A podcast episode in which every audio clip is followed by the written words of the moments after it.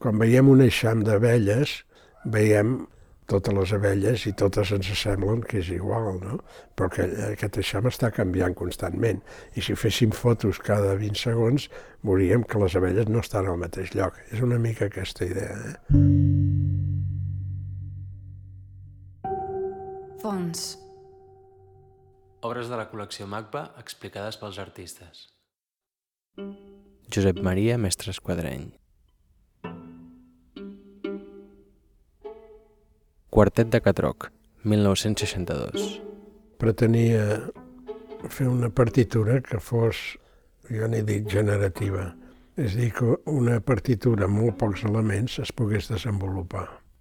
Llavors, el quartet de Catroc són quatre pàgines pels quatre instrumentistes, hi ha tres pentagrames, un per cada moviment, i l'intèrpret toca repetidament aquest mateix fragment sense que això tingui res a veure amb la música repetitiva que es va fer molt, molt més tard, sinó que el que pretenc és que cada vegada que ho toca, ho toqui a un tempo diferent.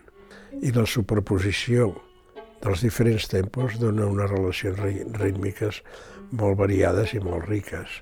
Al no haver-se de lligar a una estructura rítmica, cada un toca el seu aire, toca en el seu tempo, però prescindeix dels altres i, i es produeixen uns, uns encontres o uns jocs insospitats i que si es volguessin fer escrits milimètricament serien dificilíssims de tocar, en canvi fet així. I això era una manera de, de donar una, una flexibilitat i una, una suplesa, una, una suavitat, diguem, alhora que l'intèrpret no se sent lligat a, a un metrònom, diguem, sinó la partitura de cada un dels instruments són semblants. Tenen a l'esquerra hi ha una mena de rosa dels vents que indica com han de tocar el fragment cada vegada. És a dir, anant donant la volta al cercle, van sortint els tempos, si ho han de tocar fort o piano, o mig fort, o com sigui, i després també uns temps de pausa entre cada tocada. Tot això està reflectit en aquesta rosa que diem consta de tres cercles concèntrics. A l'exterior és pel primer moviment, el segon és pel segon i el tercer és pel tercer. Seguint aquestes instruccions es va tocant repetidament aquell fragment i, i, i dona l'obra. Jo escrivia peces molt complicades, efectivament, però les feia, en certa manera, utilitzant uns procediments geomètrics que em donaven uns ritmes determinats i que jo els escrivia com podia. Com que el resultat d'això era difícil d'interpretar, una manera de sortir era experimentant tal com ho vaig fer al Guardet de Catroc, en el qual els intèrprets ja no queden cohibits per anar metronòmicament junts, sinó que cada un toca el seu horari, no, no obstant, si es toquen 100 vegades el quartet de Catroc, tothom ho pot identificar perquè vull dir, la, la part eh, que toquen és molt característica, per tant no, no es produeix una, una situació d'ambigüitat auditiva, no, no, és molt clar. Variacions essencials, 1970. Bé, les variacions essencials, aquestes sí que recordo molt bé perquè les vaig fer. Hi havia un pintor romanès que es deia Pic Adrián, que vivia aquí a Barcelona, i un dia em va venir a casa a veure, perquè dic que havia sentit música meva i li interessava molt, i després em va invitar a, a visitar el seu taller. Ell feia una, una pintura, que n'hi deia pintura essencial, feta a base de línies, línies, punts, molt pocs elements, a millor una línia que es anava engreixant i després s'aprimava. I em va dir si això em suggeria alguna cosa. I vaig dir que sí, que em suggeria, i llavors vaig fer les variacions essencials, no agafant cap quadre en concret ell, però agafant aquesta idea de, de, de les línies i els punts, eh, compondre una música que es pot tocar, no me'n recordo quantes són, em sembla que són unes 10, i cada una d'elles no té una durada definida, perquè és el que suggereixi, no? Si hi han representats mitja dotzena de sons, doncs poden donar el que poden donar mitja dotzena de sons, no per més, no? Però la varietat de les peces seguides, trobo que queda, queda prou interessant, tot i que està fet principalment per veure, per mirar-la. Eh? Era una mica una rèplica de les pintures del Pic Adrián, que posats al costat no s'assemblen en res, però és el que a mi em va suggerir.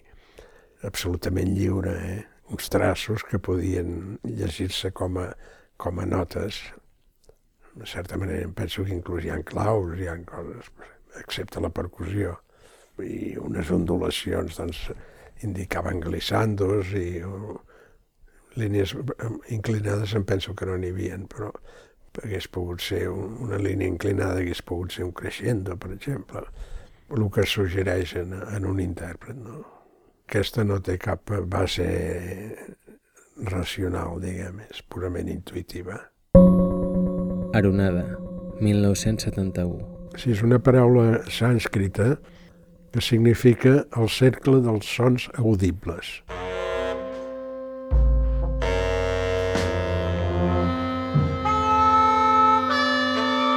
Els Vedes tenen aquests mantres i aquestes coses, aquests mantres circulars, i hi ha un cercle a l'univers que és el dels sons audibles. El títol el va posar un amic meu, que era pintor, anava molt a la Índia, cada any, cada any passava un o dos mesos a la Índia i coneixia molt. I l'obra li vaig dedicar a ell i la va, ell la va batejar. Crec que un dels problemes que té la música contemporània és que no ha trobat el lloc on s'ha de tocar. El concert és una concepció decimonònica, ve del segle XIX, i llavors molt sovint queda inadequat jo crec que el concert ha de trobar un substitut, però no sé com, per això a vegades he fet proves. No? Llavors, amb Baronada, el que pensava era fer una música d'ambientació, una música per ambientar llocs on la gent podia estar xerrant mentre es tocava la música, com, no sé, el, el vestíbul d'un teatre o d'un cine, o, o l'intermedi concert, per complir amb aquesta missió, era imprescindible que no tingués cap cosa de gran relleu, que fos una cosa més aviat planera, que no hi hagués punts que cridessin excessivament l'atenció. A més, una altra cosa era la il·limitació de la durada. Perquè una activitat pot durar 10 minuts en un moment donat, pot durar dues hores, vull dir. Havia fet algun intent anterior, però per resoldre el problema aquest de, de la durada, vaig adoptar el sistema circular. O sigui, un pot anar donant voltes a un cercle indefinidament, no? Es tractava de crear uns camins diferents, de manera que el que va seguint aquest cercle pugui servir itineraris que portin d'un lloc a l'altre, però sempre diferents. La partitura en si és tot, tot de cercles concèntrics, i aquests cercles estan dividits en caselles en les quals hi ha uns números.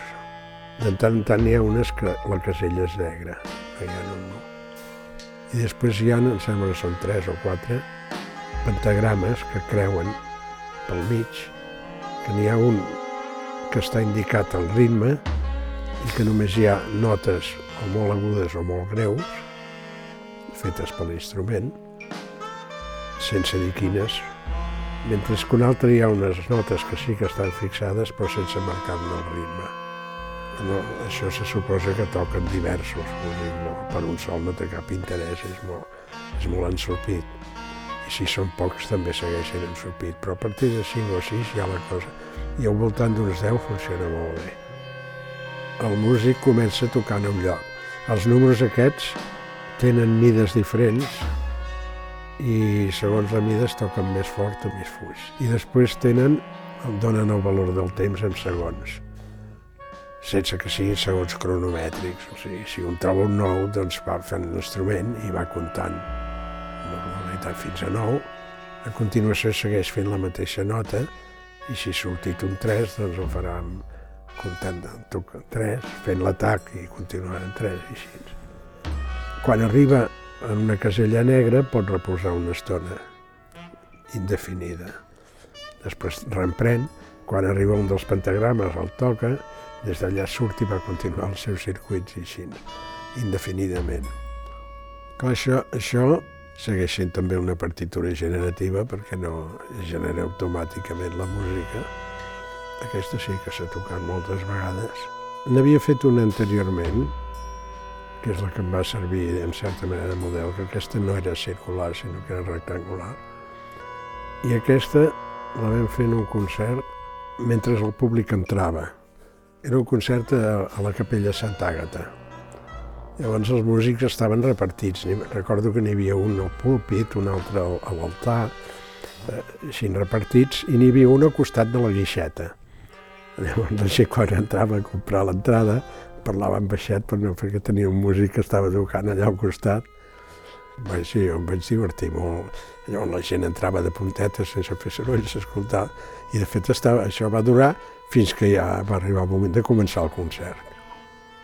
Una altra vegada que es va fer, a la inauguració del Col·legi d'Arquitectes de Balears, a Mallorca, l'any en què en Miró va fer 80 anys.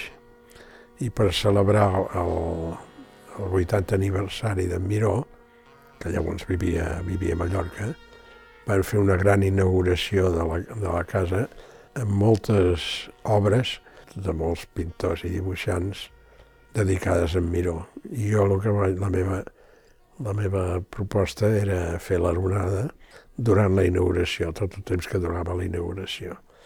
Llavors aquest local, esclar, no era una sala d'exposicions, i per tant l'exposició estava feta en, en, en passadissos, en despatxos, hi havia molts racons, moltes això. I van repartir els músics, que aquí ho van fer músics els que tocaven habitualment en el, a, les, a les boats, allà, els locals de nit de, de, de Palma, i ho van fer molt bé. De fet, eren músics que tocaven aquella música, però eren professionals, no? Per tant, ho van entendre i ho van fer... La veritat és que ho van fer millor que els especialistes en música contemporània que vaig portar jo. Aquests, volia, aquests volien fer moltes filigranes i els altres s'ho van prendre eh, sí, com un joc. Vull dir, en definitiva, la música és un joc, no? Vull dir, no? I una obra com aquesta no pretén ser transcendent ni ho és ni ho pretén ser. Jo ho recordo molt bé, aquell dia va ser molt maco. N'hi havia que aprofitaven la caseta negra per sortir una estona a fumar un cigarret i tornar i, i la cosa anant, anant així. Self-Service, 1973. És una manera lúdica de, de practicar la música, no? El self-service és una d'aquestes coses que et venen de repent a la ment. I com deia, podríem fer una obra que sigui el públic el que toca, en lloc dels músics. En vaig parlar amb el director de l'Institut Alemany, li va agradar molt la, la idea, i va dir endavant que l'estrenarem. I per fer-ho em vaig plantejar quins instruments, perquè no, no puc fer el públic i fer-li tocar un violí ni una trompeta, perquè han de ser instruments fàcils. No? Llavors vaig triar les flautes de bec, que es pot fer amb flautes de bec, o sintetitzadors aquests de joguina, per exemple. Després, un altre grup, petites percussions, tipus blocs, xim-xims. Eh. Un altre grup eren sons ressonants, o sigui, tipus tantams, gongs, xapes de ferro. Recordo que per l'estrena vam, vam fer una, una espiral, vam agafar un cercle de, de ferro el vam tallar amb espiral, el vam penjar pel mig i feia unes ressonàncies fantàstiques, instruments d'aquest tipus. I un altre, instruments de tipus vibrafon, marimba, però es poden fer servir perfectament els, els escolars. Eh? Instrument de gran qualitat només li treu una gran qualitat un professional. Per tant, eh, tot plegat havien de ser instruments quasi de fireta. No?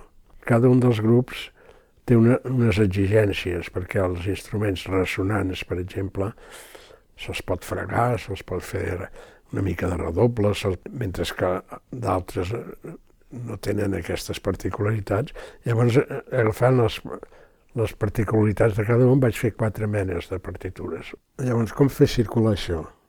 Jo vaig pensar que, més o menys tothom coneix el còdic de circulació, i llavors agafar un, un fragment de plano de Barcelona em donava uns recorreguts que, sense ser circular, es pot, es pot estar circulant tant com es vulguin, no?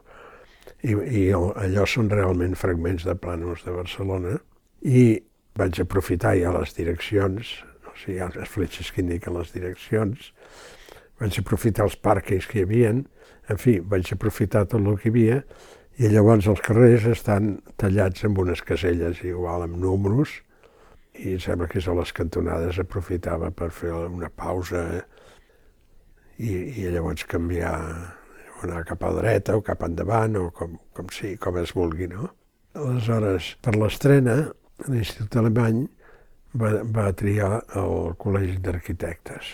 El Col·legi d'Arquitectes, en aquella època, la planta baixa era tota de vidre, o sigui que es veia des del carrer, es veia a dins. I es va muntar tot això, va començar i va venir el jefe de policia, què, què coño és esto? No, no, és un concert, no s'ho acabava de creure, però com que hi havia el director de l'Institut Alemany allà i tot això, i li va garantitzar que no era cap acte subversiu ni tot això, va dir, bueno, endavant. Però van deixar una furgoneta de la policia voltant tot, donant tot el concert per fora, anava donant una volta. Primer van venir els que ja, com que s'havia anunciat per la gent del Club 49, del, de l'Institut del Teatre, etc. ja s'havia anunciat, va venir. Però a més tota la gent que passava pel carrer veia allò, s'hi posava, no? Els únics que van respectar eren els nanos d'una escola que van entrar amb el mestre, el mestre els hi va explicar i aquests respectaven la partitura. Els altres van fer el que els hi donava la gana. Però es va crear una catarsi increïble. La gent s'ho van passar allà més bé i quan va ser l'hora de plegar no hi havia manera de tancar els, els llums i tothom seguia picant els instruments. Tocatina, 1975. La tocatina, el títol li va posar en brossa hi havia un grup llavors de pintors i dissenyadors, més aviat dissenyadors gràfics eren, que feien un, una revista que en traien un número cada any o així, que es deia el Tarot. Llavors ells feien dibuixos i demanaven a algú que col·laborés.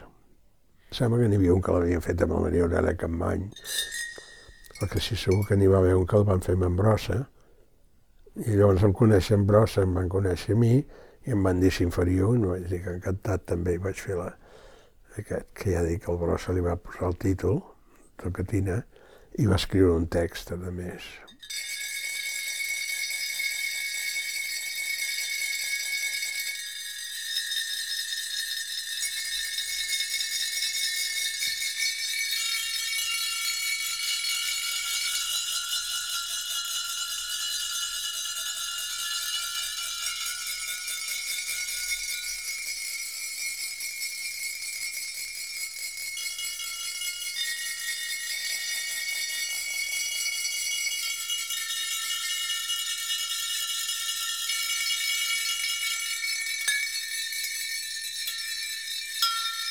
Bé, la tocatina és el mateix que els seus serbis, però és de cambra, no? I aquí feia servir ampolles d'anís del mono, que cada un dels que toca en té tres, una de buida, una de mig plena i una de plena. Això dona, dona sonoritats diferents. I l'anís, a l'ampolla, és perquè el granulat exterior permet fregar amb, amb una varilla metàl·lica que es pot fer amb un, una maqueta de triangle o fins i tot com, com fa quasi tothom amb una forquilla, un ganivet. Eh? I llavors, segons quins signes, indiquen que s'ha de picar al centre de l'ampolla o al coll, el que es tractava de fer un quadern, no una sola partitura, doncs hi ha diversos dibuixos, un per cada pàgina, no? Començant per la primera pàgina, que només hi ha un punt, és a dir, només es fa un cop, i el fan tots els participants, sinó que el facin alhora. Després hi ha uns quants cops i després hi ha uns esquemes amb números o amb signes i colors. De cada color és indicatiu d'algú. Ara no me'n recordo si segurament és de si s'ha de picar de, de quina ampolla és, si la plena, la buida o mig buida. I aquesta sí que no he sentit mai aficionats a tocar-la. El primer cop que es va tocar ho van fer els alumnes de la, de l'Institut del Teatre de Vic. Després ho van fer el grup de les percussions de Barcelona, que ho van fer impecable també, que són sis percussions. I ara darrerament ho han fet el quartet brossa, que en lloc dels violins fan, fan amb les ampolles de nis. Estan molt pròxims al teatre, diguem. Ja he dit abans que, que havien tocat el quartet de Catrol, però han tocat altres obres de teatre musical i, i en una d'elles s'acabava amb, la, amb la tocatina. Feien tota una significació i preparació i després la tocaven. L'Estroleatorio, 1973-1978. L'Estroleatorio és una conseqüència de la rurada. O sigui que també hi ha cercles. Són sis concerts per solista i orquestra.